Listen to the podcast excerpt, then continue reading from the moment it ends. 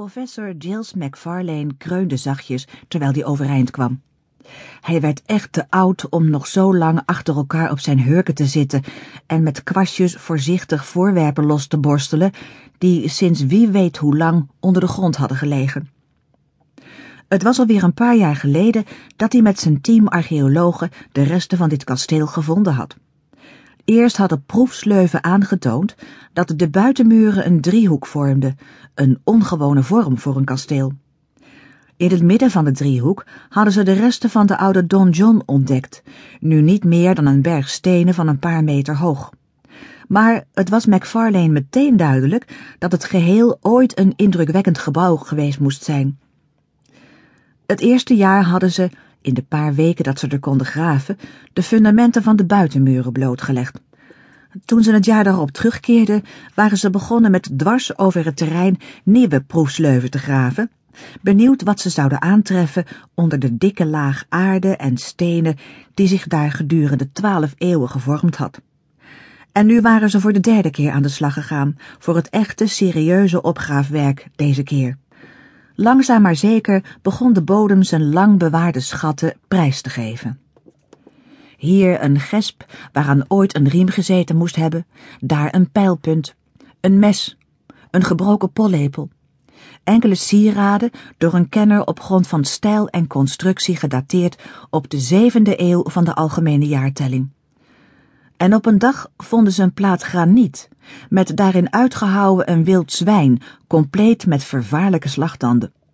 En toen wisten ze pas echt zeker welk bijzonder kasteel ze blootlegden. Dit moet dus wel kasteel Redmond geweest zijn, had McFarlane tegen zijn assistenten gezegd, die vol ontzag naar de plaketten stonden te kijken. Kasteel Redmond, uit die lang vervlogen tijd van het legendarische rijk Araluen. Het slot van baron Arald, befaamd als een der trouwste vazallen van de nog beroemdere koning Duncan. En misschien nog wel spannender, als Redmond dus echt bestaan had, dan waren al die prachtige verhalen over de bewoners van het kasteel misschien ook wel echt gebeurd. Of zat er in elk geval een kern van waarheid in.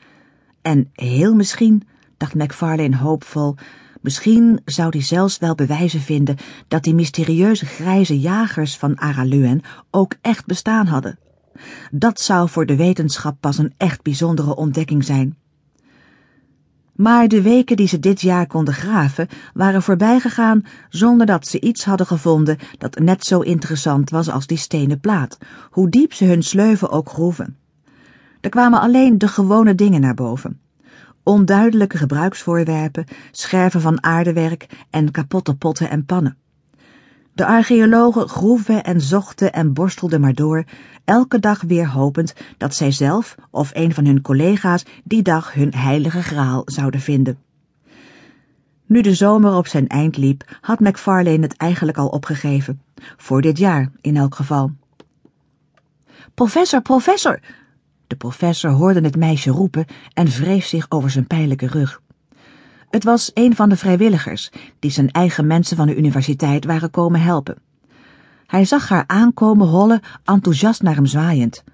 Hij fronste zijn wenkbrauwen. Het was gevaarlijk om zo over een opgravingsterrein te rennen. Voor je het wist gleed je uit of viel je ergens in en vernielde iets wat na weken geduldig werken was blootgelegd. Hij herkende haar.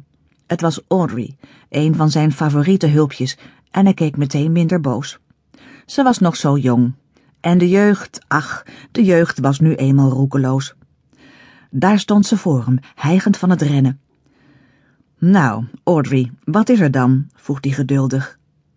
Nog nahijgend wees ze in de verte, naar beneden, waar aan de voet van de heuvel het riviertje de Tarp kronkelde. Daar, aan de overkant, kwam er met horten en stoten uit. Daar, in dat bosje, daar zijn resten van een oud huis. McFarlane haalde zijn schouders op. Dat leek hem geen reden voor bijzondere opwinding. Ja, daar lag ooit een heel dorp, dus zo vreemd is dat niet. Maar Audrey schudde beslist haar hoofd en trok hem aan zijn arm mee naar beneden het pad af. Nee, een heel eind van het dorp, hijgde ze. Het stond helemaal apart en u moet echt komen kijken. McFarlane aarzelde. Het was een heel